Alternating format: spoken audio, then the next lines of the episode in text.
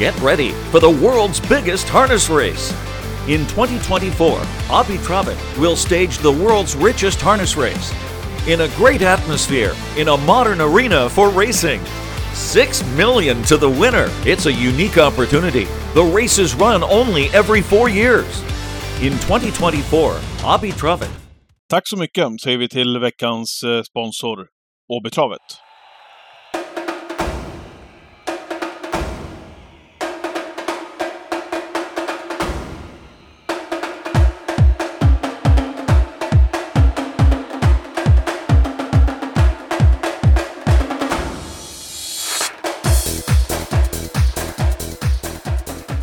Då är vi igång. Här kommer Travpodden under Elitloppsveckan 2023 och jag ser enormt mycket fram emot David att prata med Daniel Redén här om en kort, kort stund bara.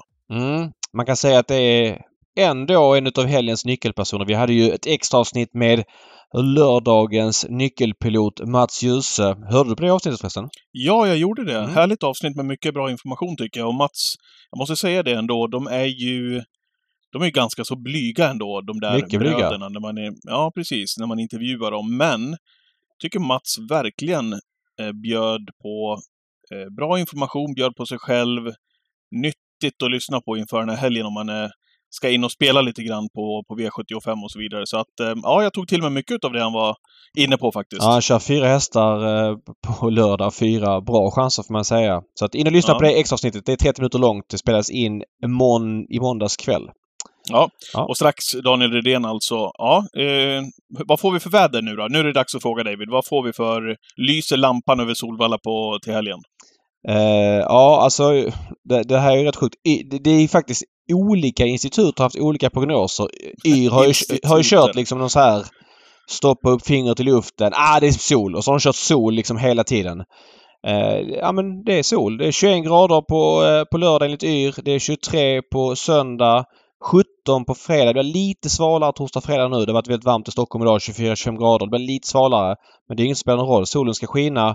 Men det som är säkert är att det är sol måndag, tisdag, onsdag, torsdag, fredag kommande vecka. Det betyder alltså att, att det ska dyka upp en så här random skur eller att det ska dyka upp när över, ja, över Bällstån eller vad säger vi? Ja, det. Rissne eller Duvbo Mm. eller var nu Solvalla ligger. Det Mm. känns osannolikt. Så att vi, får nog, vi kan nog konstatera att det blir ett, eh, ett Elitlopp med toppväder 2023. Hur, eh, hur jobbar du inför helgen? Hur ser din vecka ut? Ja, eh, jag har gjort massa annat skit. Jag har varit pappa. Jag har gjort lite andra det hushållsgrejer. är inte skit i och för sig. Nej, det är det ju inte. Men, men det är inte kopplat till Elitloppsträning. Lagt bort saker, administrativ börda som jag gjort måndag, tisdag. Så idag onsdag då har jag börjat med plugget till lördag. Jag tänkte jag skulle sitta här idag men det tog mig fyra timmar att beta igenom Sweden Cup-försöken. Så bibehåller jag det här tempot så är jag klar med eh, eh, de här tre dagarnas trav någon gång till midsommar. Så jag bör speeda upp imorgon torsdag. Ja, ja härligt. Själv då? Eh, nej, men det jag har hunnit här på kvällarna har ju ägnats åt list. Eh, jobba med listorna helt enkelt och Mm. ja, benat ut lite grann och ja, det, det känns som att man, eh, man får mer och mer på fötterna ju närmare helg man kommer. Och det är väl den här veckan som jag känner att man, man lägger ner sig ändå lite mer än vanligt ju. Eh, med, med de här lördagarna och söndagarna. Man vill inte heller komma till söndagen eh, och, och känna att man har fokat för mycket på lördagen, utan man vill ha med sig det här veckoarbetet som man lägger ner de här dagarna nu, även till söndagen ju. Nej, men, Även om det, det, det är mycket som fokar på lördag när man kommer dit första gången man är laddad i V75. Då vill man inte att det ska bli en, en efterfest bara på söndagen där. Så att, ja. Nej men alltså det, jag kan drömma mardrömmar om två saker genom året. Och det ena är att jag kommer till Vasaloppsstarten och starten har gått. Och den andra är att Ja, jag kommer till Sol... Ja, det är ett minus. Att jag kommer till Solvalla en Elitloppshelg och slår upp programmet och inte vet en häst som startar. Ja. Eh, för mig är det väldigt viktigt att ha liksom betat av de här frågorna. Prata med de här aktiva som jag har frågor till. För ibland blir det att man kommer på en fråga när man slår upp liksom programmet lite för sent och jag vägrar höra av mig till någon aktiv som jag har kontakt med för nära in på start. Nog för att de flesta inte bryr sig. De svarar om de kan. Men man vill ändå liksom fråga när det finns tillfälle med god tid innan för att liksom få vettiga snack om, om olika saker. Så att jag håller på med det de här, den här dagen liksom och kommer fortsätta i torsdag och lite grann fredag. Men det är ju så att det blir en jackpot på fredag. Den är inte stor. Kommer att drunkna i omsättningen men jag kommer ändå försöka göra någonting. Kommer åka ut till Solvalla, ställa mig på Pershing. i sista sväng. Där det ja, blir då lite sol. Eh, många som... Alltså det blir lite så här. Du och jag kommer sitta på kongressen lördag, söndag. Eh, och då är det ju det är en del besökare som inte är där som man vill träffa och eh, man träffar många av dem på fredagen. Så jag tycker fredagen är perfekt att gå dit. Eh, man kan plugga lite V6-lopp och ta lite lugnare och bara hänga med lite folk och ta någon bira i solen och så vidare. Eh, men sen på lördag söndag blir det ju vårt gäng då och då blir det ju ja, man träffar lite andra människor då. Så att jag ska passa på att träffa dem på fredag jag inte kan träffa senare om jag säger så. Ja, ja men vad härligt. Ska vi mm, gå in på veckans gäst nu då? Ja, men jag tycker det. Eh, Daniel Redén har alltså tre Elitloppshästar eh, till start och ja, alla tre har ju olika öden och det är ju såklart, mesta är ju sagt men det är ändå små nyanser som man vill få ut och ställa sina egna frågor så att vi slår Daniel en signal och kollar vad statusen är. Då säger vi välkommen eh, under Elitloppsveckan till Daniel Redén. Nej men tjena på er! Hej! Vad va, va roligt att du är med. Första frågan blir ju givetvis eh, Daniel, om du kan njuta av att det är Elitloppshelg framöver eller om det är en mental anspänning enkom eller finns det någon kombination? Nej, men jag tycker att eh, jag blivit äldre. Jag har varit med ganska många gånger och på alla möjliga sätt har jag varit med i Elitloppshelgen. Och, du har vunnit? Även Elitlopp. Jag har vunnit. Jag har varit sist. Jag har varit, haft fyra hästar till start en gång. Alla var riktigt dåliga. Så att, eh, jag har varit med om det mesta faktiskt. Så att, eh, jag har lärt mig att hantera det här. Därför så kör jag en väldigt trygg hemmavecka och inget trav. Då. Vi laddar för helgen. Ja, jag förstår det. Hur, hur ser dina dagar ut då? då? Ja, jag sa ju det. Jag har planterat, jag vet inte hur många, åtta träd idag. Monterat in en eh, fontän i en av dammarna. Byggt en eh, liten oas uppe på en annan damm. Så jag sitter ganska mycket i grävmaskinen. Jag har ju jag återupplever barndomen. Man vill ju bli grävmaskinist då. Men eh, det är kul. Jag ändrar lite och planterar lite och går mest och strosar. Och det är så fint väder också så då blir man ju på bra humör också. Så, ja, då så kan man, man, koppla bort lite. Behöver ladda batterierna. Är, är det du som har fåglar i bakgrunden där? Är, det några inomhusfåglar? Nej, det är, nej, det är podd. Det är jag. Ja. Det är jag. Är, är det något fel på fåglar? Nej, det är alltså, jättehärligt. Det är ljud. Det är nästan som en liten ljudeffekt som ligger här bara. Apropå, men, men kan, du berätta, kan du berätta vad tanken är med det här damm och trädprojektet? Nej, men jag håller på att göra. Jag vill göra lite som en park nere i... Det har alltid varit en ravin här som går genom gården som vattnet på våren och hösten ja, rinner ner till Mälaren och, och Gälstaviken. Då, så att, det finns ju otroligt mycket fåglar. Det är väl Sveriges nästan kändaste fågelskådningsställe där, Gälstaviken. Så jag har ju börjat bygga lite dammar och det är dels för att ta vatten till mina banor men även att utöka djurlivet på gården och fåglar det. Så det varit jäkligt kul nu när jag varit ute och grävt. Jag har haft en sädesärla med mig. Ta mig fan vilken damm jag än är i så följer han med mig. Är det, är det, han är det den som jobbar i, jobbar i bakgrunden nu eller är det någon annan? Nej, nu tror jag nog det är någon annan. Nu är det nog bara någon liten sparv. Men eh, jag tror att... Eh, jag älskar djur och natur. Det får mig lugn. Så att, eh, nu ska jag, efter det här ska jag gå ner och sätta mig och titta på dammen när den, fontänen arbetar. Eh, det är ju Elitloppshelgen i helgen och eh, vi bara backar bandet lite grann så var ju du trots två inbjudningar den stora snackisen inför. In i det sista. Skulle Francesco Zet vara med eller inte vara med? Nu tackar ni nej. Sen fanns det en liten option på Harpes och det blev också nej. Eh, vi ska inte fasta för mycket vid honom men kan du bara resonera lite grann om hur tankarna gick med Francesco Zet sista månaderna? Ja, jag hade ju i vintras hade jag ju ganska stora problem med honom. Vi hade, han var väldigt på när vi körde liksom. Visat, så hade han inte varit förut. Då, jag, då blir man ju alltid nervös att någonting är fel. Vi hittade egentligen inga stora fel. Eh, men vi, sen eh, gick vi till veterinären. Det är liksom, man har en häst som har tjänat 15 miljoner och gått segrande i alla slag han egentligen gjort. Man vill liksom inte börja behandla och kladda med en sån häst och börja gå in i massa leder om det är allt för mycket. Eh, då får han ju gå till avel för det är, det är två stentuffa säsonger tidsmässigt och loppsmässigt. Eh, men vi gick i alla fall till veterinären och hittade lite små grejer i framknäna. Inga stora grejer, men vi behandlade det och efter det så har det varit spikrakt liksom uppåt. Men då snackar vi en och en halv, två månader tillbaka. Eh, och, och, då har han varit, nu på slutet är han väldigt avslappnad i jobben. Han springer på slaka tömmar. Så, eh, planen har ju aldrig varit Elitloppet egentligen, men jag blev ju mer och mer taggad ju, ju finare han kändes. Efter Umeå liksom så började det vela i huvudet till och med. Ja, men ska jag? Och då fick man ju väga över lite med att jag har Fanucci, Hail Mary och, och, och liksom två fantastiska hästar och slänga in en tredje. Mata in och, och det blir jäkligt mycket kladd i huvudet. Så att jag ville inte egentligen göra det och därför valde jag att stå över hade väl egentligen en annan plan med att kunna vara med i Harpers 3 och 1. Tycker jag skulle vara en bättre matchning för honom att man skulle sikta långsiktigt. Att han skulle gå ut i det loppet och liksom Mm. ja, utvecklas av det. Eh, Två hit Elitloppet, det kanske är det sista han gör då. Eh, Jag tror garanterat han skiter i om han bara har ett lopp i kroppen. Han skulle gå ut och göra shit. Jag tror han var långt ifrån topp i årsdebuten. Eh, Fast han ändå kutar sina 6,5 eller vad det var, sista 700. Det är liksom hans nivå. Så att... Mm. eh, eh, men, men- man måste vara rädd om honom. Men varför stekte du Harpers då när det kom upp på tapeten? Jag började dividera med mig själv också. Stå 40 i Harpers. Jag vet ju vissa år det går fort som fan och så vädret ska se väldigt bra ut. Man måste liksom spela in många. Börjar prata om att han ska säkert kunna ner mot låga 12, kanske under. Det, det, det, det är hemskt tufft över 3000 meter.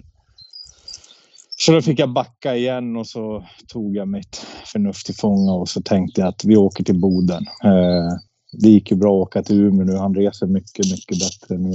Bodens bana gillar jag. Vi bygger långsiktigt. Jag hoppas nästa år vi ska kunna vara med i något av de här absolut största loppen. Eh, Vi, vi- vi- vi, vi ska inte fastna där precis som David säger, men jag tycker ändå det är spännande när du ändå är inne på det Daniel, liksom, när du processar med dig själv. Hur kan det se ut alltså om du tar oss med på, tar oss med på det? Ja, jo, men det, det är ju, jag bollar mycket. Och jag kan ju bara få en idé sen när det var anmälningar. Det är det som är det sjuka med mig. att Då kan jag bara, oj, det är som ni har ju häst hos mig. Jag vet aldrig riktigt när jag kommer att anmäla. Så kommer jag skicka ett sms nu. Du, jag anmälde Bengan idag, även fast jag inte har någon plan på det. Så det kan ju bara bli lite sådär. Det, det är lite så jag fungerar. Jag måste ha magkänslan och få en bild i huvudet nu, nu är det klart. Det är, det därför är man, det. är därför man aldrig frågar heller så att eh, det hänger ihop. Jag måste bara fråga innan vi släpper Francesco. Om du kan ta oss med på någonting med den långsiktiga matchningen. Boden här nu. Eh, jubileumspokalen är ju såklart ett rimligt mål som femåring. Om vi ser lite längre. Vad, är det den typen av lopp under året eller vad kan man förvänta sig mellan tummen och peken? Ja, jag vill ju helst matcha honom på medeldistans och eh, kanske 2,6 också. Det, det, jag tycker han är så pass bra där. Vi, vi ska inte skruva på alla kranar än. Det, det, det kommer lopp för det också. Kan det bli eh, Frankrike kommande vinter? Ja, det beror på hur det ser ut med om jag kan få bra ställen att vara på. Kan jag få vara på Groboa och få mitt där och då är det inte alls omöjligt. Eh, jag trivdes väldigt bra där i vinter och då kan man ju ha en bättre plan till att börja med så då blir det nog mycket bättre. Det, det känns som att du har sökt lite ställen i Frankrike. Du var i Belgien för, förra vintern och nu på Grobois i vinter. Har det varit svårt att hitta exakt vad du vill ha där för att kunna förbereda dina hästar optimalt för Prix d'Amérique? Ja, men så är det ju. Det är jäkligt svårt alltså. Eftersom jag tränar på min bana och den är väldigt, väldigt speciell så är det ju svårt att, komma till ett nytt ställe och bibehålla den styrkan man har och de musklerna man har jobbat med. Eh, vissa hästar kan gå skitbra i ett lopp när de bara åker ner. Men sen över längre perioder så, så tappar man de här musklerna man inte kan arbeta med. Då är det en ny bana, det är nya muskler som ska sätta sig. Och det är så små saker liksom om hur banorna är. Men du upptäckte i vintras att Grobois har det du söker eller så nära det du söker du kan komma? Ja, men jag kan i varje fall... Jag kan i varje fall det är där det har gått absolut bäst när jag låg där och hade koll med keeper och, och massa bra som gick. De gick bäst där och där är väl det en av banorna där som jag kan jämföra lite med den jag har hemma. Fattar. Eh, vi byter häst och byter eh, Eh, fokusbild. Mr Hercules har ju alltid varit en kulttopp som tre och fyraåring. Eh, och en eh, topphäst som femåring var ju med bland annat i jubileumspokalen och vann ju eh, ett femårslopp där han slog BPB förra året och varit liksom i toppen hela tiden. Eh, vad fick... Nu var han ju kanske bättre än någonsin, eller får man nog säga att han var, i lördags när han vann Prins Daniels lopp. Kan du berätta lite grann varför du tror att han var bättre än någonsin? Nej, men det vet man inte med den där hästen. Han är väldigt humörbetonad. Men vi har ju tränat hårdare i år. I vintras också och även här på våren. Han har ju även fått börja gått fem intervaller någon gång sådär och verkligen stentufft för att han är så stor i kroppen och han ska orka med sig. Han brukar falla ur lite i travet till slut om det har gått lite fort till en början eller något utan att riktigt vara trött. Man orkar bara inte hålla ihop det. Så att eh, det är mycket mentalt att, att han ska vilja också. Därför har jag ökat träningen lite. Som, jag tror det är det som har gjort att han känner sig mer trygg i loppen också. Sen har han ju alltid sin sprallighet där som att när han rök norsken och så inbillar han sig att det var ju typ första gången det hände. Så han slängde sig rätt upp och galopperade. På Åby va? Ja, säkert bort ett andra pris som Örjan sa. Och då, det är ju det, är det man lever med. Östersund förra året hoppade han över en vattenpöl och, i värmningen och då tyckte han att han skulle göra det även i loppet. Så att eh, han, han har ju sina hyss för sig. Eh, han gick, gick med Kenzie Back i lördags? Ja, ja. Och hur mycket tyckte du att det Eh, förbättrade honom liksom. Alltså eh, kapacitetsmässigt inte men att han ändå höll sig i trav hela vägen in. Att det galoppmomentet försvann. Ja, vi, vi satte ju på det för att göra någonting och ta bort det norska så vi slapp dra massa snören. För Örjan har sagt att han vill inte släppa tömmarna nu helst på honom. Ah, okay. Det sa han redan i Finland så han ville bara dra norsken där men, men nu fick vi lov, vi hade provat någon anordning där på Åby, men det gick inte så han fick släppa tömmarna och dra norsken med handen och då tappade han kontakten med honom. Han är jäkligt svår sådär. Eh, ja. Blir det Kenzie Back på söndag? Ja, det är väl inte alls eh, otänkbart. Eh, jag tänker om du inte vill ha snören på honom så är väl det enda alternativet, eller? Ja, helt ja, stängt också kanske, men... Ja, nu fick han inte ut tussarna sist heller för att vi hade tejpat fast eh, när han skulle rycka med, med eh, foten och det, det blev fel det också. Men eh, ja, ja, det krånglar med de där snörena kan man säga. Han får lära Men det gick bra ändå. Ja, han får lära sig av Adrian och Gocciadoro hur man rycker med foten. Med de är, foten, De är ja, proffs på det. Jag, jag hörde ja. faktiskt eh, Stefan Melander, Tarzan här, din eh, före detta arbetsgivare ju under många, många år som sa att jag vet inte vad pojkarna hittar på. Han kör med norskt på hur många som helst. Jag har aldrig norskt. Han, eh, jag vet inte vart du hade fått det därifrån. För jag tror knappt vi ser en Tarzan-häst med norskt huvudlag. Nej, han och jag har lite olika fyllor. Han har inga huvor, han har inga norskt, eh, norska huvudlag. Jag älskar ju norskt huvudlag för att jag vill ha dem så lugnt som möjligt innan loppen. Mm. Jag vill liksom ha det som en växel och bli fokuserade när, när man väl behöver den. Eh, många hästar som lägger bort på tok för mycket krafter innan loppen och eh, ja, det, det, är inte min grej. Så jag, jag ser dem hellre lite flegmatiska och, och loja. Det är oftast min style på hästar. När du sa nu att Mr Hercules var uppe och jobbade på fem intervaller, är det liksom någon form av kvitto att han är uppe på de andra elithästarna eller för de som inte, eller för vi och för alla andra som lyssnar? Ja, men det är, nor, det är normala. Francesco, han är bara uppe på Eh, han kör ju bara fyra med än så länge. För han, han gick fem inför derby. Det höll ju på att bli alldeles för bra. För han hade för mycket spring i benen just där. Men, men eh, då blev jag ju orolig för den här Luleås Boko som kom från ingenstans. Och då jag tänkte att jag måste ju vässa till lite ännu mer. Jag blev, hur, hur jag ens kunde bli osäker på min egna häst, det, det vet jag inte. Men man blir ju det. Mm. Så att eh, nu har jag kört fem här i, i våras och det förhoppningsvis sitter det kvar. Nu, nu gör jag inte det här på, när man börjar starta och det, men, men eh, en månad innan så där när man börjar starta så brukar jag lägga till en femma på de här absolut bästa, starkaste. Ja. Eh, kuskvalet på eh, söndag, Santi Raitala har du valt att sätta upp. Du har ju såklart Örjan som given första kusk på dina hästar men sen så finns det ett gäng som kör dina hästar där bakom. Hur kom det sig att du valde Santo i det här fallet? Eh, nej, men jag har ju blivit väldigt bra vän med Santtu. Det, jag var ju i Finland och eh, körde kuskmatchen i Rovaniemi och åkte skoter, 44 mil skoter. Jag, Örjan och en kompis till mig och så var det Santu med och en, eh, och en ledare, eller ledare, en, en han skulle vara i varje fall eh, han som hade hand om det. Men han såg man knappt, han körde så jävla fort. Ja, men, men skitsamma, Santu låg sist och då tänkte jag så här att den pojken, han, han ligger ju sist för han kan ju det här så han ska ju hålla koll på mig, om, eller mig och min polare för vi hade knappt åkt, åkt skoter om vi ramlar omkull. Ja. Så, så det var ju, kändes ju tryggt när vi åkte upp. Sen när vi åkte hem då meddelade han lite lugnt att det var första gången han åkte. Så jag tänkte ja. fan om han hade vält då, då hade vi bara fortsatt.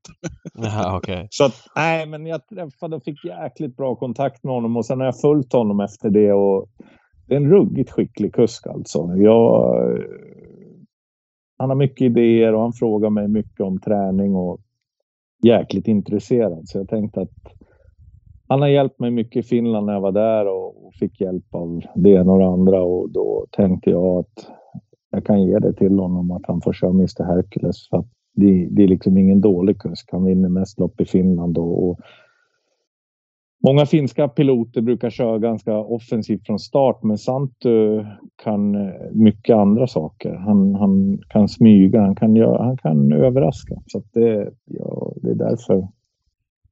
Ja. Hur, hur ser du på söndagens uppgift med Mr Hercules? Du fick eh, spår 3 eh, i ja, det andra försöket. Han är ganska snabb ut utan att vara en katapult. Vad ser du framför dig? Eh, att eh, han kommer att få ett bra lopp därifrån. Eh, det tror jag och det viktigaste är för honom nu att ta sig till en final och det tror jag att han kan greja med det spåret han fick och med, det, med den formen han är i. För han har då fasiken inte blivit trött av loppet, det kan jag säga. Nej. Han ser helt vild ut i hagen för dagen, så han, han har nog kaxat på sig. Så det är faktiskt en liten halvspännande start. Han har ju tappat... inte förvånad om han tar sig till final. Han har ju tappat travet några gånger till slut. Eh, har det varit kopplat till de här snörena eller är det andra faktorer? Bland annat på Färjestad, bland annat. Ja, det finns fler exempel på det när han har gjort så. Vad har det berott på? Ja, men det har vi aldrig riktigt eh, lyckats luska fram. Men det är därför jag har ökat träningen lite så att man ska orka hålla ihop sin lite speciella aktion ändå. Han är ju ganska flack i steget och, och långklivad så att eh, det, det, är därför jag ökar träningen på honom. Eh, utan att liksom vara alltför tuff i, i träningen, men ändå lite grann. Ja, jag tänkte att vi byter häst, eh, byter hit till Don Fanucci Zet. En häst som är med i Elitloppet för tredje gången. En häst som du vet hur du ska sätta i form. Eh, jag skulle dela upp hans Elitloppsstart i lite olika, ja vad ska jag säga, frågeställningar. Först och främst, du vet ju hur du sätter honom i form. Eh, precis som tidigare Elitloppsstarter så har han ju inte briljerat. Han har ju briljerat hur, hur han ser ut tycker jag men han har ju inte behövt gå några tuffa lopp de här två senaste. Så har det även varit tidigare år. Eh, du känner dig 100% confident på att du vet vad du har honom formmässigt? Ja, nej men jag tycker det. Jag han hade en liten grej när han kom hem från Finland på ett ben och blev tjock i, i ett framben och blev jäkligt orolig där att eh, han hade en skada. Men då sprack det upp någon typ av svampböld på baksidan av kotan och så var det över. Eh, och jobbet efter det så var han väldigt loj, men, men det var bara ett jobb och, och nu känns han så där. Förra veckan kunde jag köra han precis så där hårt som jag ville och, och i måndag så gick han stentuff sista intervall. Eh, imorgon ska han gå fyra lugna fast med en riktigt snabb avslutning, en av dem. Bara 300 meter. Så att, eh, då, är, då är det precis som jag brukar göra och han känns precis som han ska. Eh, han... du, sa, du sa en av dem, eh, Daniel. Är det, är det yrkeshemligheter det, eller är det? Vadå en av dem? Skulle, skulle alla gå likadant? Men det var en som nej. skulle... Nej. Ja, en, en kommer gå lite fortare. Det är hans egna. Han måste liksom få en sån där stentuff 300 meters speed för att liksom fatta att okej, okay, nu, är nu är vi här igen på året. Nu, nu är det dubbla hit på gång. Jag tror han förstår det då. Ja. Eh, om man tar Don Fanuccis karriär. Att han är sju år nu. Vissa hästar pikar ju som sjuåringar. Vi vet ju Varenne vann ju Elitloppet andra gången som sjuåring och många franska hästar pikar senare. Han gör sin tredje start i Elitloppet som sjuåring vilket är ändå ganska sällsynt. Är det rimligt att tro att han har samma glöd kvar sista 50 vid en tuff löpning som tidigare år? Jo, men jag tror det faktiskt. Han känns lika och nej, men jag tror att det är ingenting som tyder på något annat och, och jag tror hans stamtavla är så lite halvrolig också på grund av alltså det är så många på hans moderslinje som har gjort en 300-400 starter i USA och bara tjäna, bara fortsätter med den här pacingstammen. De brukar bli väldigt gamla och tävla länge då. Mm. Så att, Ja, för, för, att anledningen att jag, att jag ställer frågan så det är att Fanucci kom ju tidigare år med men, i princip inga förluster från spets och, och säsongerna såg ganska lika ut. Förra året så ebbade det lite grann efter Åbergs. Han var lite sämre kanske i Sundsvall Open Trot och det var kanske andra förutsättningar och värmen var inte kvar. Och jag vet inte om det var SM där han var kanske också på samma nivå och så var han i Frankrike där han var jättebra men ändå fick uppleva att förlora från spets. Om det var grejer som du känner att du vet varför det hände eller att du bara testade nya utmaningar för honom att, att gå i Prix d'Amérique utan lopp i kroppen från ledningen Eh, och, och, även då Prix de France med då loppet i kroppen att det påverkar. Alltså, förstår du vad jag menar liksom? Kan det här ja, ja. vara grejer som gör att han fick känna lite trötthet och fick nya erfarenheter som gör att han kanske kan ha fått känsla av lite mättnad om du fattar? Ja, jag tror att det finns alltid en det finns alltid en förklaring. SM och eh, Sundsvall Open var ju totalt eh, nedtränade egentligen eh, till de loppen. Då hade jag slutat. Jag hade matchat upp han med sina vassa intervaller inför Elitloppet och Hugo Åbergs. Det var liksom... Han fick det där loppet på Årjäng och hade fått ganska tuff träning inför det. Och så fick han gå ett stentufft lopp där och vann med nos och efter det var han ju smällfin. Sen fick han det väldigt lugnt och då var det väl en månad till var det Sundsvall Open. Mm. Och då fick han gå utvändigt. Han var helt okej, okay, men jag visste redan där att eh, vi kommer inte att vinna om vi inte kommer till ledningen. Och sen så körde inte jag honom ett jobb tror jag efter det fram till SM. Så att det var liksom... Man kan inte ligga på rött så ofta. Men man måste kunna få slänga in dem och göra någon start bara för att säsongen blir väldigt kort annars om man ska sikta på Elitloppet och Hugo Åbergs. Ja precis och i andra vågskålen finns ju att han har ju inga vad jag vet dåliga prestationer 1640 auto och det är varmt ute. Där är han fortfarande eh, ja, men, relativt liksom obesegrad i princip. Han är ju mästare på de förutsättningarna. Han vann ju ett försök på 9-1 9-1 eh, från dödens förra året som såg ut som en gäspning lite grann. Det är klart att det var ett tufft lopp. Känner du dig confident på att han är väldigt nära den prestationen? Ja, jag tror att han är eh, jag tror att han är som förra året. Jag skulle bli jäkligt förvånad om han inte är eh, lika bra. Eh, han känns lika bra när till och med kaxat till sig lite. Eh, sen han var i Frankrike. Och sen ska man inte underskatta det. Att, eller alltså, när vi åkte till Finland nu, nu blev det, han var lite loj i det loppet om jag ska vara helt ärlig. Även fast han gick bra och det blev ingen lopp. Men han var lite loj även i värvning. Jag kunde inte ens köra speed med Men sen fick han ju det där på benet när han kom hem. Så om han hade det bara, det vet jag inte. Även med sig eftersom han, det sprack upp efter vi kom hem. Mm. Så att eh, det kan ju ha varit något som han kände av och inte ville liksom överdrivet ta ut sig heller. Fast eh. påminner inte Finlandsstarten i år lite grann om Bert Johanssons för två år sedan? Den också gick i ledningen, Haile Mary utvändigt och han vann med nos men man kände att oj, det där var ingen Elitloppsprestation. Men du var väldigt confident i att vad du hade honom på, på, på liksom formskalan. Sen gick han ut och vann Elitloppet två veckor senare. Kan det vara liksom en liknande grej? Ja, nej, men jag tror det om vi tittar på alla hästar. Dels har vi lagt om banan nu perfekt och hästarna har studsat upp som fasiken av den. Jag hade min massör här idag. Då sa hon direkt bara nu, nu, nu har du lagt om banan igen för nu är hästarna så där fin som de ska vara. Hon var ingen nöjd i vintras. Så att, eh, man känner direkt när man har nytt material och den är som den ska vara. Så att det, det gäller ju honom, eller honom också. Så att eh, jag tror vi kommer få se tre bra hästar. Uh, en, en kortis där bara med tanke på fjolårsincidenten uh, som ju väl, säger jag, var ett olycksfall i arbetet. Han har ju visat sig otroligt travsäker. Uh, dina tankar kring just spår 1, Daniel?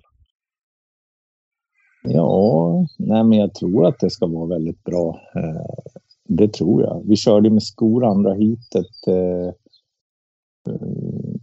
Nej, jag vet egentligen inte varför han galopperade. Då hade han även galopperat ett jobb innan också hemma. Okay. Liksom av pigghet. Så här konstigt. Det har han inte gjort i år. Eh, så att... Eh, nej, jag tror att det är ganska lugnt. Alltså, han känns mer åt det rulliga hållet i år.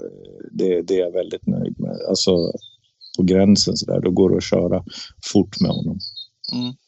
Ja, mycket intressant. Um, jag tänkte vi byter häst Patrik. Är du ja, nöjd med varsågod. Panucci? Varsågod. Jag tänkte byta till den tredje hästen du har. Det är ju Hail Mary som gör den andra Elitloppsstarten för dig. Förra året så kändes det från sidan lite forcerat. Ägarkretsen var tydliga i media med att de ville starta Elitloppet. Min tolkning av det, det var att det kan gå men det kanske inte är det optimala på, noll, på lång sikt men jag kan få han i, i form till just det loppet. Och sen är ju känslan att det var ett pris som kom senare på säsongen. Han ändå förlorar som stor favorit. Dels eh, Åby Stora Pris. Sen vann han ju på, på Hagmyren eh, ett guldlopp där men det var inte wow. Och sen torskade han även på Solvalla mot Brother Bill i den här STL Open. Är det en summering som du också skriver under på att det kom ett pris med tanke på att du lite grann fick forcera till, till Elitloppet? Jo, men så är det väl lite grann. Eh, absolut. Det sa jag även till ägarna att Eh, jag vet inte vilken väg vi tar efter det här men jag kände mig ändå ganska trygg med att hästen skulle klara två hit i Elitloppet. Annars hade jag aldrig sagt att vi ens skulle starta.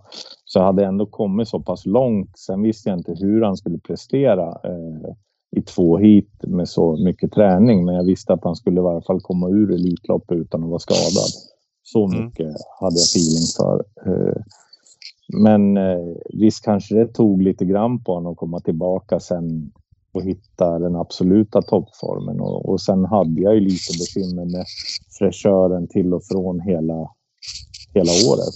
Eh, det hade jag ju eh, så sett. Den här gamla operationen han hade. Eh, det var nog någonting han kände mentalt. Att han liksom hade fått ett mönster att springa efter. Så mm. det var ju det vi jobbade med, att försöka provocera honom och börja dra andra ben och springa eh, snett med huvudet åt andra hållet och, och få honom att belasta det benet 100 procent. Alltså, det är lite sådana men, men det, det, känns ju nästan som att hästen har ett annat stuk helt och hållet Daniel. Jag, jag känner inte igen honom. Nej, och framförallt när han kommer ut i värmningen nu jämfört med förra året. Eh, så tycker jag också att det var, det var väl, jag satt i Rättvik tror jag uppe på, på taket och såg honom komma ut. Och så såg jag honom värma nu efter uppehållet så var det ju liksom ett helt annat stuk på honom. Håller du med om det eller? Jo, men förra året fick jag ju köra han väldigt speciellt. Då fick jag liksom hela tiden sitta och ha honom på bettet och liksom säga åt honom nu fokusera på allt utom dig själv. Eh, för det kändes som att han sprang och tänkte väldigt mycket på sig själv. Att aj, jag tycker jag har jäkligt ont och jag är det. Så att man ville ha honom. Och så fort han fokuserade på annat så, så var han ändå helt okej. Okay. Men, men det gick inte att komma ut med honom och köra honom på slaka tömmar. Då tyckte han väldigt synd om sig själv. Eh, och liksom... Ja, det kändes inget bra då. Så att, ju mer vi kom så att vi kunde köra, att jag fick köra en sådär, ju mer släppte han den där tanken och springa jäkligt konstigt. Så att, eh, sen i vintras så hände ju någonting då att han nu, går det, nu är han som vilken häst som helst. Nu kan jag köra honom på slaka tömmar och han känns som en balettdansös när han kommer ut. Det är fantastiskt hur det kan vända. Jag var ju väldigt nära att ge upp efter sista starten. Jag kände att jag kan nog inte få en bättre och jag tänkte säga till Meddi då, jag var inte långt ifrån att vi skulle avsluta. Antingen får han gå till avel eller så får han prova någon ny tränare för jag känner att jag kommer inte få honom 100% fräsch och då vill jag inte fortsätta. Alltså efter det loppet han var två mot Brother Bill i fjol, var det det du tänkte ja? Ja, ja. jag tycker mm. det är för bra häst för att hålla på om inte jag kan hitta nyckeln som vi hade liksom jobbat med hela tiden. Eh, och försöka få han 100% fräsch. Men det, det kände jag att det går inte. Eh, även fast böjprov och det var bra så, så sprang han på ett sätt som jag inte var nöjd med när det gick sakta om jag hade han på slaka tömmar. Och man vill ju att de ska kunna springa på slaka tömmar. Det är oftast då de visar allting. Och när, när kände du i tiden nu alltså att, att det var att poletten hade trillat ner eller att du hade... Eller liksom, Nej, men jag gav att, att du hade fått honom det liksom, dit du ville ha honom? Jag gav honom vintern och så tänkte jag att jag släpper honom i huvudet mentalt, mig själv. Så får Jenny sitta och köra han hela vintern. Och så kommer jag hem och så ska jag göra ett beslut och så kommer jag hem och så får jag se han jogga och så tänkte jag det där kan inte vara han. Och så har det hänt någonting. Hon har bara nött på hela vintern och han har helt fått ett helt annat rörelsemönster. Så det var ju fantastiskt. Förra året så var vi hos veterinären ganska ofta faktiskt eh, och liksom kollade upp de här framknäna och det. I år har vi varit en gång. Så det är bara det. Man vill ju inte gå in i leder allt för ofta. Liksom. Man vill ju att hästen ska kunna sköta det själv och att man har skonsam träning så man slipper göra det.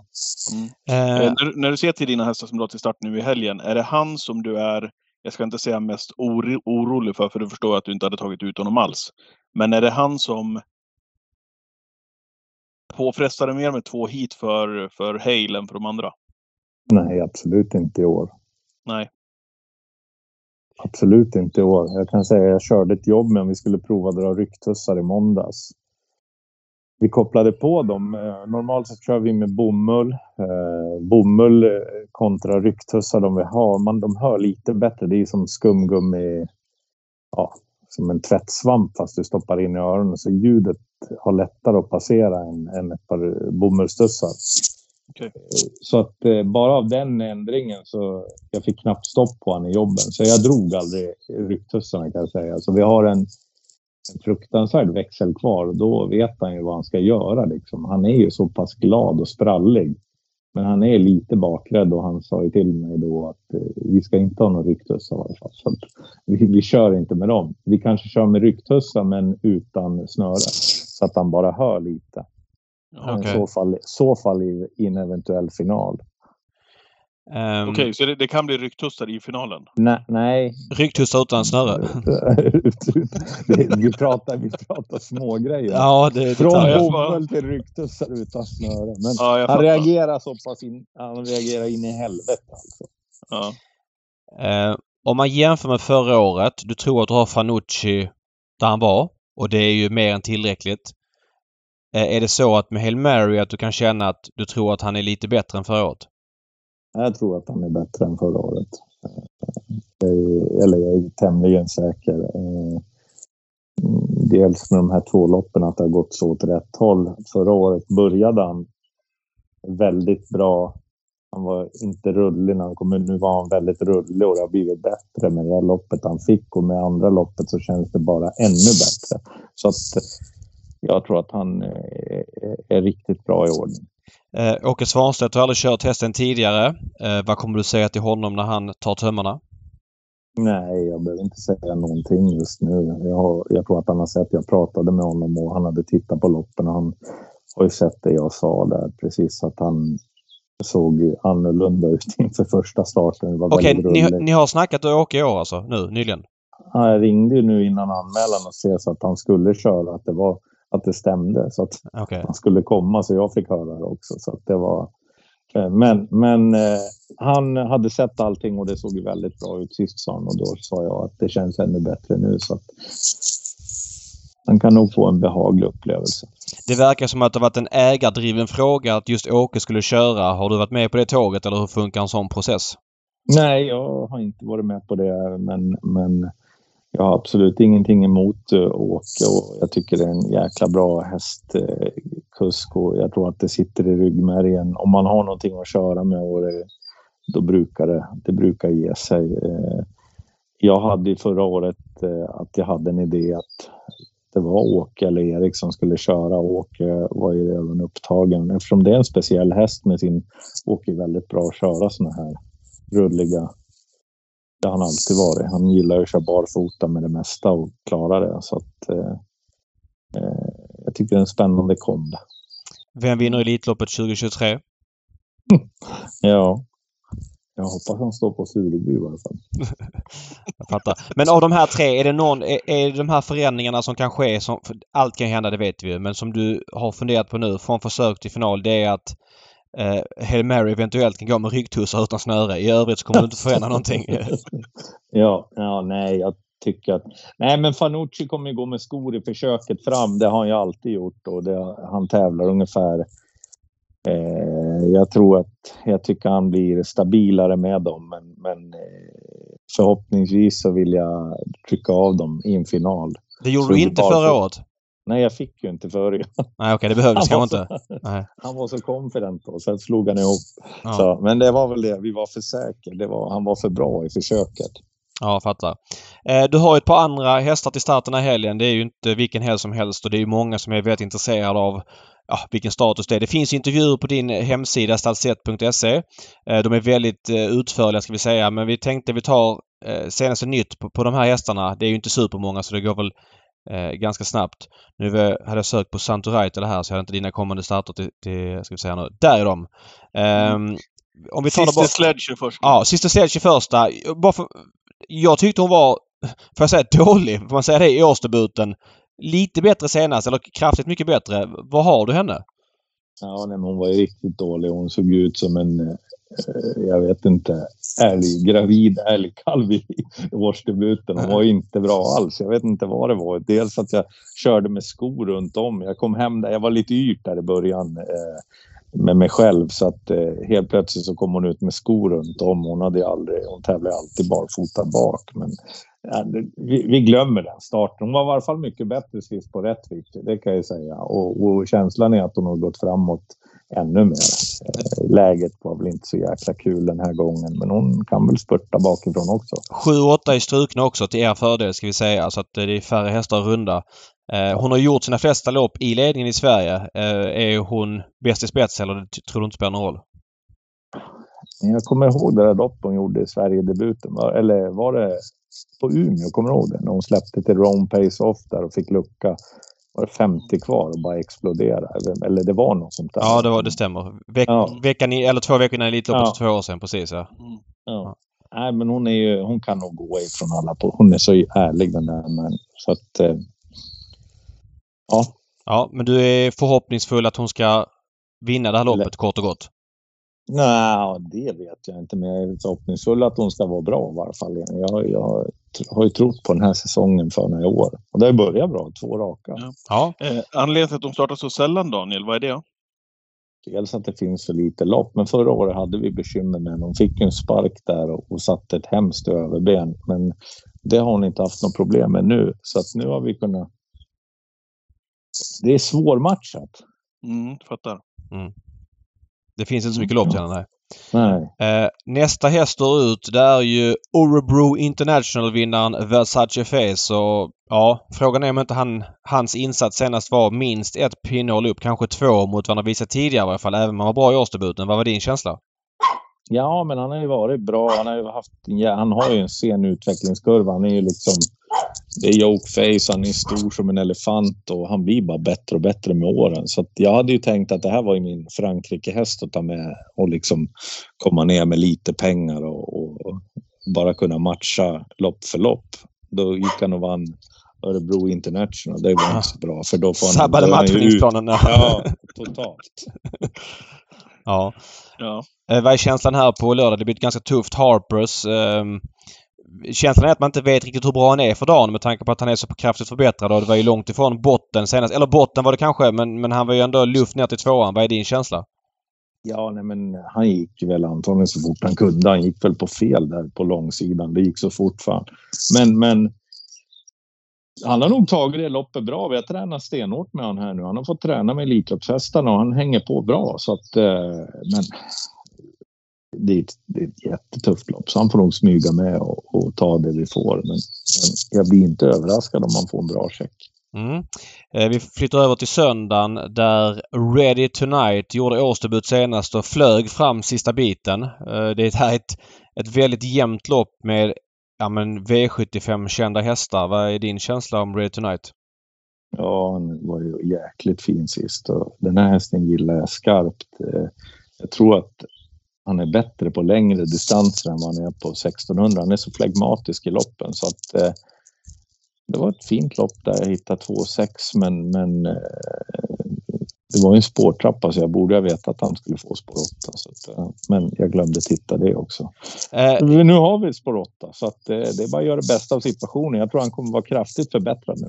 Ja, känslan är att, jag vet inte om jag gissar, men att dina hästar i år har varit lite mer bett, alltså lite mer ett lopp i kroppen hästar. De har liksom hoppet från start 1 till 2 har varit större än vad det brukar vara. Har jag rätt där eller? Ja, det stämmer nog. För att det var ju lite problem här i våras med banor och så hade jag inte varit hemma och, och kunnat sett eller vilket skick vi hade på banorna. Det, den, den är jäkligt svår den här sanden att veta. Så att, eh, det var väl nog det då, att vi låg en månad snett på det. Så att eh, de, de har nog gått framåt så mycket mer med ett lopp i kroppen. Mm. Med den här farten de har fått. Du har ju även en häst som eh, debuterade för dig senast i eh, Unleashed Kemp. Det är alltså V755 lopp 9, fyraåringseliten för ston. Uh, hon debuterade för dig senast på Eskilstuna. Vad har du för förväntningar här? Det är barfota runt om anmält i alla fall. Det är till och med Delicious lopp kanske vi ska tillägga. Ja, det ska vi göra. Ja, ja, hon gick faktiskt jäkligt bra i skymundan ska man veta med skor och fast bomull och, och hela kittet. Det gick väl åtta sista 500 i det där loppet. Hon mötte ganska, det var ett ganska bra lopp och hon hade inte startat så hon lär väl gå framåt. Håller hon sig på benen då tror jag hon blir en giftig överraskning. Alltså hon okay. var ju kusligt snabb i USA. Eh, eh, hon var ju lite punchig men, men eh, det ska bli kul att se henne här. Jag vet att de möter kanoner men, men jag tror att hon är, på 1600 meter är hon snabb. För hon är ett yrväder. I V76 som är fyraårseliten Tommy Hanés lopp har du Double Deceiver. En häst som känslan är att det lovar väldigt mycket. Det går rykten om att ni betalade, det var väl på en auktion, 500 000 dollar för en vallack som hade tjänat 7 miljoner och han är väldigt liten men var ju väldigt bra i årsdebuten över kanske lite opassande distans. 16.40 nu. Visserligen ett dåligt spår barfota bak. Vad förväntar du dig här? Nej, men det är en jättefin häst. Eh, det är en otroligt fin häst. Jag har väl egentligen inga krav än så länge. Jag vet att han kommer bli bra med tiden eh, också när han har acklimatiserat sig. Men, men det han gjorde i debuten, det, det var liksom väldigt bra direkt och, och, bröt inte så mycket heller och han klippte med öronen över mål, gick fort där och hade han öppnat fort också. Så det ska bli kul att se han. Nu fick vi tyvärr dåligt läge men, men det är i varje fall en jäkligt spännande häst för framtiden. Eh, om du får dö- säg att du får ett tredje spår fram i dödens, eh, dödens efter 500 meter. Blir du chockad om man vinner då? Jag har inte kollat vad han möter men, men chockad kan jag inte bli. Han sprang väl åtta USA och det borde han ju även springa här någon gång. Men jag ställer frågan så här då. Hur många meter sämre är han än dina Elitloppshästar? Eh, jag tror att han skulle kunna vara med. Ja, han är så bra alltså? Ja, det är vad jag tror. Sen eh, kanske han inte är det. Men nej, jag nej. tror det. Ja, vi vet ju inte. Jag har aldrig kört honom så jag kan inte avgöra. jag kan bara säga. Men, men, men, ja, okej. Okay. Eh, och så avslutar vi i lopp 12. Eh, Cash Keeper som Martin P. Djuse kör som arbetar i ett stall. Det är alltså lärlingseliten. En häst som har vunnit från spets tidigare och känns som en riktig grovjobbare. Va, vad känner du här? Ja, verkligen. Han är i bra form. Han har gjort bra lopp nu i skymundan. Han har ju haft dåliga spår i år. Så det är bra. Martin är i bra kustform. Han vann sista starten. Så att han, eh, det blir spännande. De tror jag gör ett bra lopp tillsammans. Mm. Ja. Ja men vad härligt. Fan, när vi ändå har det på... Det var många bra chanser där. Ja, det känns så. Jag måste bara fråga när vi ändå har det på tråden. Fredag kväll, Hagmyren. Det är ju liksom lite utanför strålkastarljuset den här helgen. Uh, Santis Harvey, kriterievinnaren från förra året, gör årsdebut. Jag läste på din hemsida att du vill det, smyga ja. igång honom ja, det är nästan lite taskigt mot Harvey Daniel att, att han startar lite undanskymd eh, i skuggorna uppe på Hagmyren den här, inför en sån här helg. Ja, nej. Det är, det är väl jättefint. Jag var nära att sätta in Bengan också. Jaså? I, okay. i, I det loppet som de hade fått åkt upp och tagit liksom ett snabbjobb. För de har ju bägge två varit ganska lik varandra de hade också det här som Francesco var lite vass efter förra året. Så att eh, nu har de landat allihopa så att nu måste vi börja komma ut här på travbanorna och det här var ett passande lopp för Harvey. Han har ju varit på Hagmyren en gång och han kan åka dit igen och, och, och lufsa runt får vi se och mjuka upp. Hans lopp kommer väl i höst. Ja. Mm. Ja men jättebra Daniel, alltid. Och, och, och det gör ju Bengans också, för jag, jag, brukar fråga David här i podden, Daniel, när är det dags för Bengan då? Jag vet inte, säger, säger David. Så att vi kan väl räkna med Bengan snart på banan också utan att vi, vi fastslår något datum. Här? Utan att vi jinxar så är det väl inte så långt kvar. Jag kör, vi, vi kör smygen på det. Jag, man vill nästan inte veta. Det, det blir vad det blir som vi säger.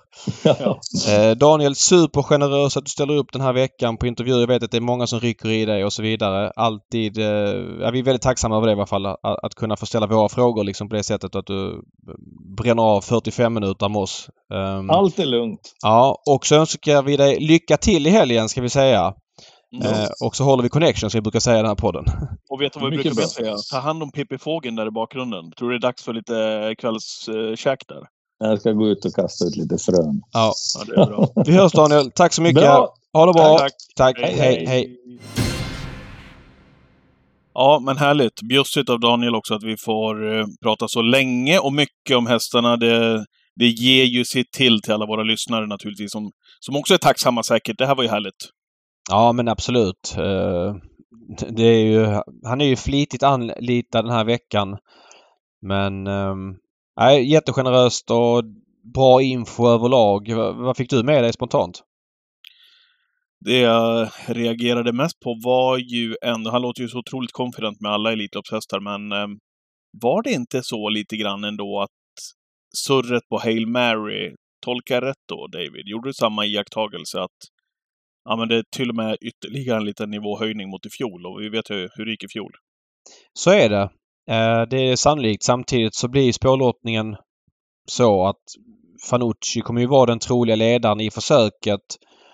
Och vinner han då det om han är på topp, då är han ju spår 1 eller spår 2 garanterad i finalen. Och det är klart, skulle Hail Mary vinna ett försök och ta ett, då får Fanucci två. Då tar han nog inte längd på Hail Marys sida sida. Men övriga är känslan att han gör det med. Eller om de eventuellt då inte vill välja ett med den försöksvinnaren i andra hitet. Typ Samotör. Mm. Så att eh, ja, ja, vi får se.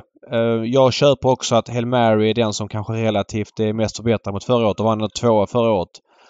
Men jag tycker löpningsförloppet talar så mycket för Fanucci. Eh, ja.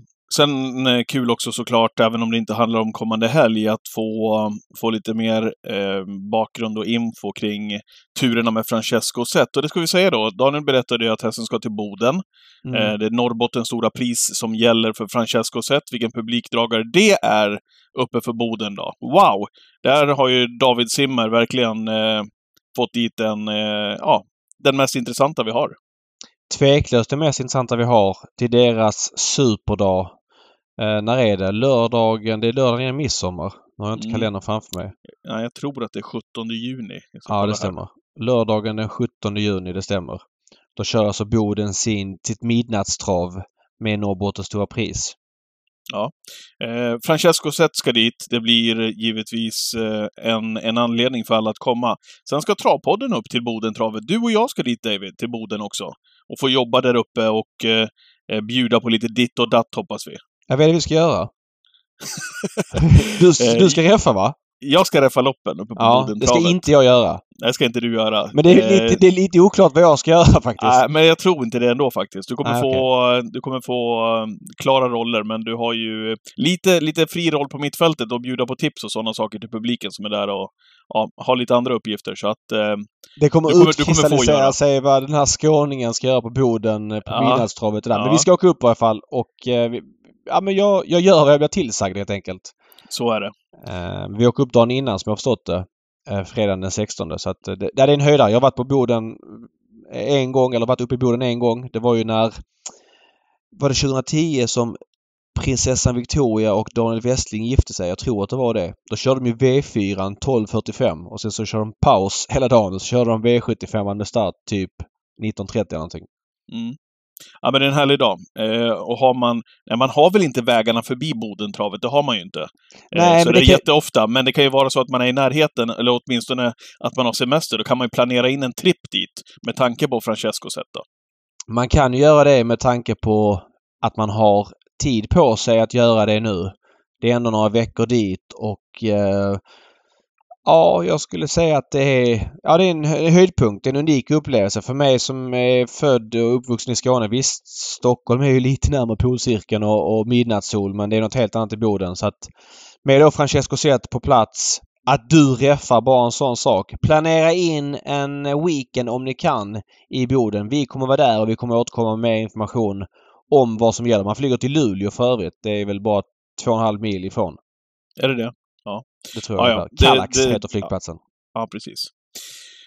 Det kommer vi att återkomma till. Vi kommer att prata mer om Boden eh, framöver också. Nu till helgens listor också en kortis, David. Eh, har du landat i någonting? Ja, men jag har kollat du, som, lite. Som du redan nu kan? Som sagt, jag har kommit Cup Just det. och har ju eh, bra koll på tycker jag. Eh, Ja, jag, jag, ja, men jag tycker att det är en överspelad eh, favorit i BPB. Han vann förra året. Folk tror liksom att per automatik att det blir en upprepning. Han, eh, jag är skeptisk till det. Han eh, var bra i lotterian men det var en klart sämre upplaga av Sweden Cup förra året och han fick Kommer de inte spela Invictus Madiba många? säkert att det är så. Men Ja. den är ju betydligt mer intressant som mycket mindre spelad. Eh, jag tycker det finns flera andra som, som känns lite intressanta faktiskt. Jag är lite inne på att eh, Unico Broline kan spåra runt om i sitt försök. Det är mycket som ska stämma där men jag, jag tror inte det är omöjligt att han kommer till spets och, och då tror jag han kan vinna det och få ett bra spår i finalen och sen så Ja, jag är lite inne på Global Badman om han kan hålla upp då. Han blir favorit såklart i sitt försök i andra där men kan han hålla upp Släpper de, släpper de med diamanten?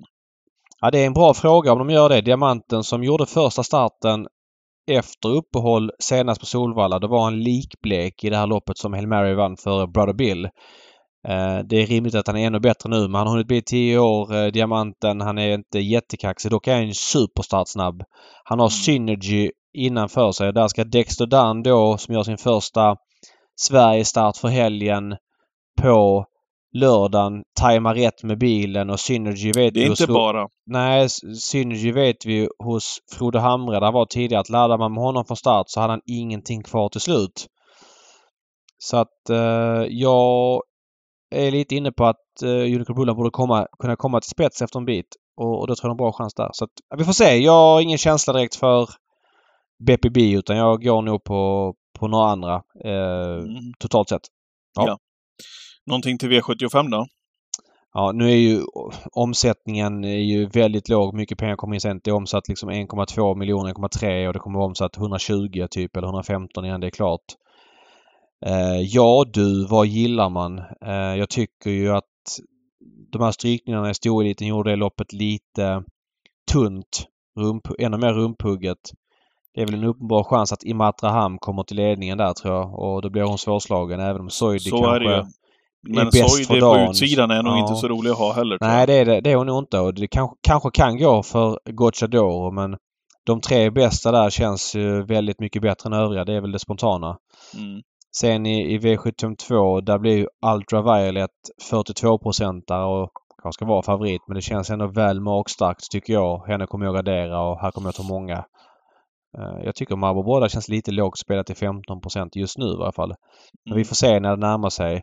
I tredje, eh, där är alltså Dragons Bar favorit. Här är ju helt klart den som är mest spelvärde eh, och spelintressant. Det är ju Heartbeat Thunder nummer två till 12,96 procent. Den ska ju bara eh, upp i procent annars blir jag mycket förvånad. Trots Får, att det här får, får bara nämna en här nu då. Du får väl skjuta mig här. Men Mm. eh, eh, Lincoln Eiboko, när han vann på Ja, Solvalla näst senast över långdistans. Eh, den accelerationen han hade in i första svängen och även att han var bra i den senaste starten som tvåa. Han blir ju han blir ju enprocentare igen. Eller mm, men det är ju helt annat motstånd nu. Men I visst, know. Men jag och nämner det, det i alla fall. Ja, Mm. du har sagt det. Jag hör vad du säger. Ja. Sen har vi ju en grym final i klass 2-finalen där med um, Working Class Hero. Jag hörde Westholm i Lindberg och Hanssons podd där, Travhonens podd och eh, han var ju gäst där, Westholm, och han var ju inne på att Gelomini skulle passa bra, att Working Class Hero är lite flegmatisk av sig och att Gelomini skulle hålla igång honom typ. Men eh, det är inte helt enkelt från spår 1 när man inte är van vid att köra i Sverige. Så jag tror ändå det blir Så ett litet minus totalt sett. Kaxig in 1,86 procent. Är det rätt? Barfota fram dessutom på Kaxig in för första gången. Ja. ja. Jag gillar ju tre. Mm, Jackpot. Det, det, det köper jag också men, men han ska ju inte vara sju gånger mer spelad än Kaxigin. Det är ju helt fel. Kaxigin är faktiskt enormt underspelad Ja, måste jag det, säga. det, det, det må vara hänt, men han, landar han på 15 procent, vilket jag har svårt att tro att han gör, så, så är han tagen i alla fall, oavsett vad Kaxig- Kaxigin spelar på. Ja, Eh, Eh. V75 femte avdelning, Castro de Star, där hörde Mats Djuse här i, i, i din intervju här. Han var ju han var ju minst sagt påställd. Han tyckte nästan att det såg kanske lite för bra ut och det kan man ju förstå när han är ute i bronsdivisionen nu och fick stryk på foto senast mot Francesco Zet.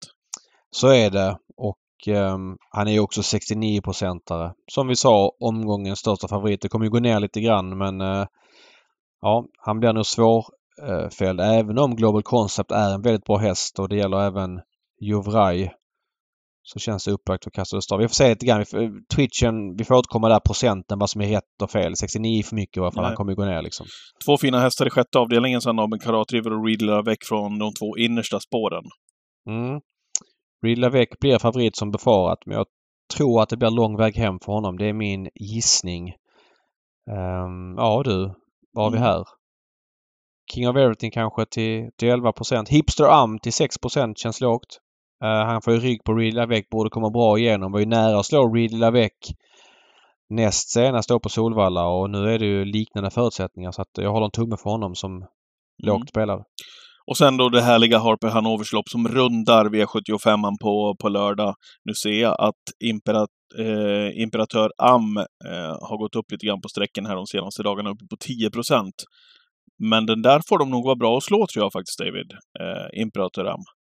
Han är jättebra Imperator Am men eh, dels tycker jag inte att Magnus Thien Gundersen får till styrningen i Sverige. Sen står de väldigt bra inne där bak och vi vet ju att Mm. Per Nordström kommer ställa en fråga om då Kentucky River går felfritt och sen kommer säkert någon till ställa en fråga. Du vet Robert Berg kommer bra på det eller någon annan så att han kommer inte sitta i fredag framme jag tror att det blir för tufft för honom när de bästa kommer sitta väldigt bra på det. Mellanvolten brukar vara kall, är det inte så? På, på... Jo, men den är inte det i år. Nej, den den är är inte det. Och du hörde ju Daniel också med Versace Face, att Ja. hur nöjd han låter med den.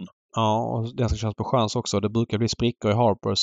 Jag vet inte där bak. Det är ju några kanoner men Aetos Kronos 3 Eric Deal 2% Power 2 Fakir de Mahé Mm. Mahé 2% Hatchet Man 1% Nog för att det kan vara så att de eh, tältar i spåren och är slagna varvet kvar men det känns väldigt lågt. Sen vet inte jag. Moni Viking, vad har man honom? Jag trodde han var Känns, känns slut. inte han sjukt överspelad på 13 procent just Ja, nu? men i alla jag trodde ju att han var slut efter sin skada där. Så kom han tillbaka och var helt briljant i Åby Stora Pris eh, förra året när han slog Ja, Hail Mary. men, men vinner han eh, David, då är det bara att ge honom det. Ja, sen så då var det- be- betrodd i Pri- Prix d'Amérique. Stod 36 gånger. Trodde ingenting på honom. Han var chanslös där och chanslös gången efter. Eh, nej, chanslös i, eh, ska vi säga, eh, Prix de Belgique. Eller där kördes han passivt men jag tyckte inte det var något vidare i honom. Sen var han chanslös i Prix d'Amérique som 19-åtsare. Helt bisarrt odds att han stod i det oddset. Och senast då i Kanks America 9-6 men inte startat sen dess. Det känns ju inte som en optimal uppladdning men jag, jag har lärt mig en sak. Jag vågar inte dissa den här hästen även om jag tycker att han är överspelad till 13% Så har han egenskaper som få andra stereohästar har. Ja, verkligen. Twitchen på lördag, andra Mm. tider som gäller, om man Ja. nu vill vara med och ladda upp. Man kanske sitter med kompisgänget. Jag har ju många av mina vänner här som sitter och eh, laddar upp vid den tiden, eh, vill ta in så mycket info som möjligt inför V75. Då sänder ju du och jag Twitchen och vi gör det tillsammans ifrån kongressen på lördag. Ja, kongressen 11.30 gäller det. 11.30 eh, eh, lördag och 11.30 söndag. Vi kommer köra en halvtimme per dag. Eh, och ja, vi kommer att säga och ge de som lyssnar den bästa infon vi har. Så att eh, det är bara att hänga med där. Så om man vill så Ja. bygger vi ett system tillsammans och slänger lite käft om det bästa vi har hört. Och så brukar många i chatten bidra med sin info också. Det är många i chatten där som har bra eh, kontakter inom travet som brukar bidra med bra info och sådär. Så att där tycker jag man ska vara med om man vill, vill kan och har möjlighet. Mm.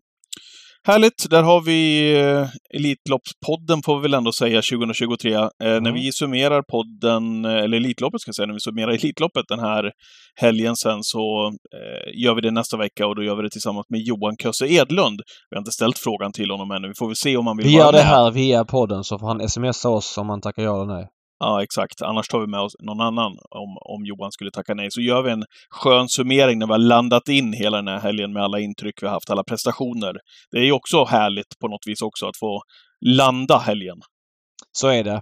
Eh, det är också en tradition i sig. Precis som upp, eh, lucköppningen med Kristoffer Axén en tradition så är ju nedsnacket med, med Edlund efter Elitloppet en eh, tradition. Och sen så Ja, tycker jag verkligen. Jag har sagt det tidigare, jag tycker sagt det nu ser vädret ut att bli bra. Det ska inte vara avgörande tycker jag men återigen, ta till Solvalla om ni kan, eh, ha råd och ha lust. Det är viktigt för travet det här. Skulle de här helgerna, storhelgerna, tappa i publik så blir det inte samma grej och då tappar travet i genomslagskraft. Ett exempel på det här är ju att inspringet numera är flyttat till 9.45 och det är för att det ska passa i Nyhetsmorgon och få det live.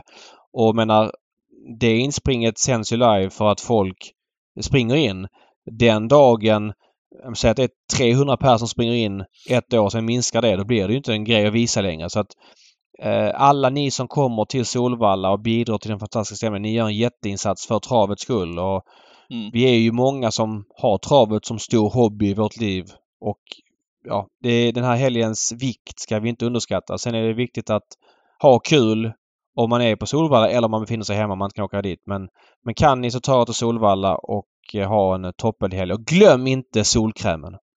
Verkligen inte. Och så har man då läge, David, om man är med i det här inspringet så tidigt, redan klockan 11.00, då ska framtiden visa upp sig. Då får man faktiskt vara med och heja fram alla eh, ponnykuskar, David, som är med där och kör eh, mini-elitloppet. Det är en skön start när alla de här eh, små knattarna ska ut och springa.